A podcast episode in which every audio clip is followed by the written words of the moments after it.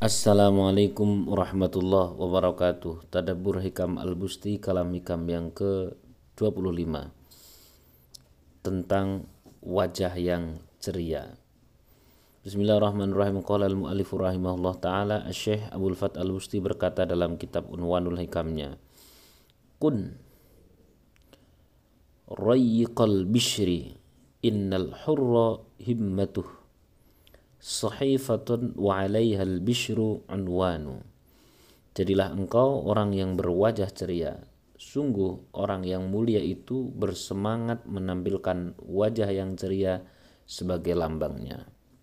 Saudara-saudara rahimakumullah, kita tahu bahkan Rasulullah SAW sampai bersabda tabassumuka fi wajhi akhika sodakoh senyumnya wajahmu kepada saudaramu adalah juga bernilai sodakoh. Bahkan ada satu kisah tentang seorang pria yang datang kepada Syekh Abu Yazid Al-Bustami.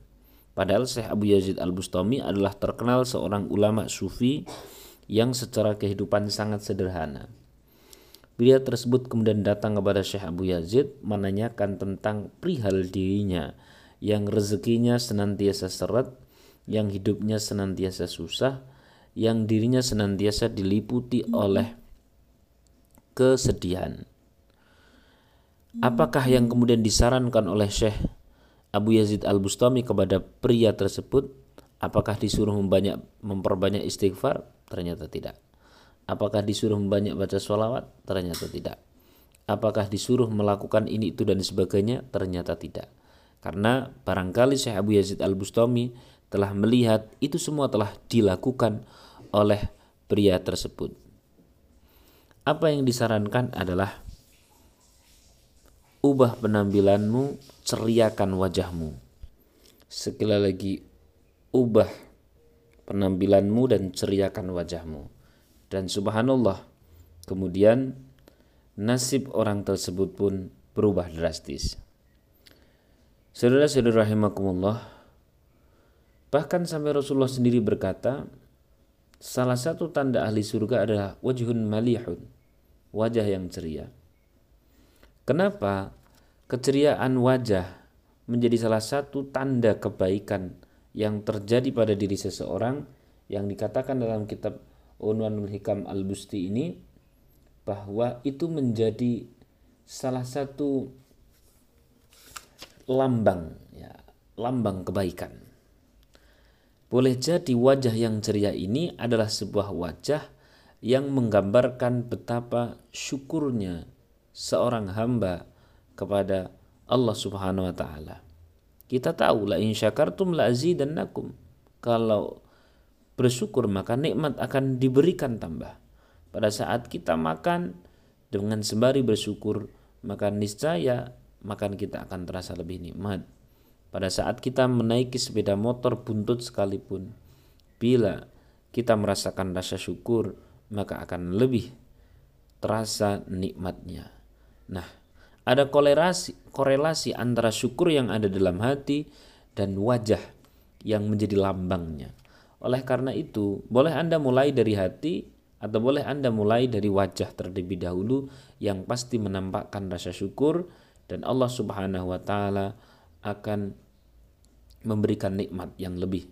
Wa amma bi nikmati rabbika fahadis terhadap nikmat Allah maka tampakkanlah. Apalagi sikap-sikap kita, sikap-sikap wajah kita kepada orang-orang yang ada di sekeliling kita. Misalkan seorang istri kepada suami. Maka senyum seorang istri terhadap suami ini menjadi kunci kebahagiaan untuk banyak sekali urusan.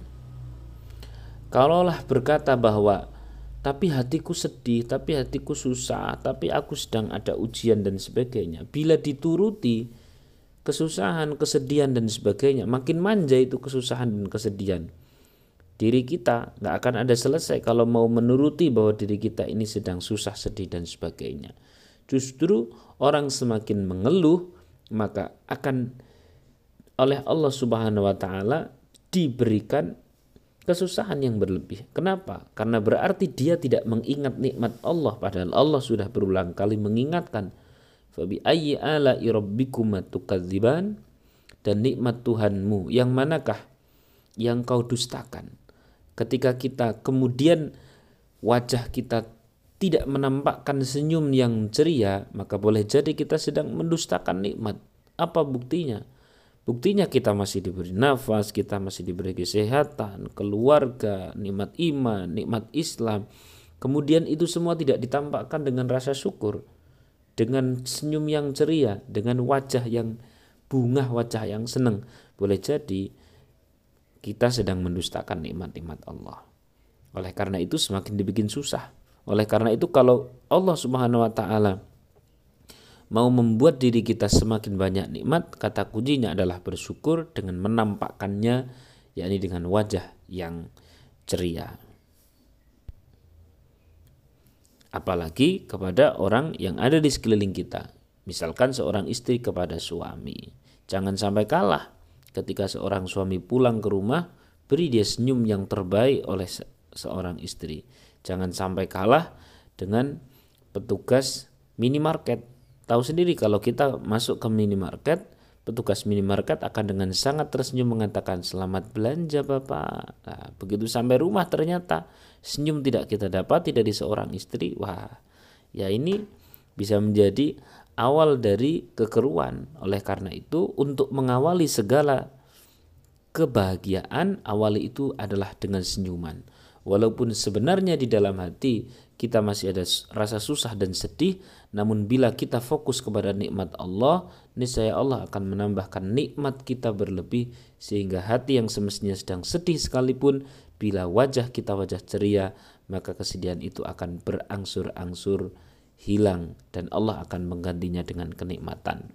Demikian, semoga renungan hikam kali ini bermanfaat. Silahkan berikan wajah yang ceria, berikan senyum yang merekah, terhadap siapa saja yang ketemu dengan diri kita tentu masih menggunakan adab-adab.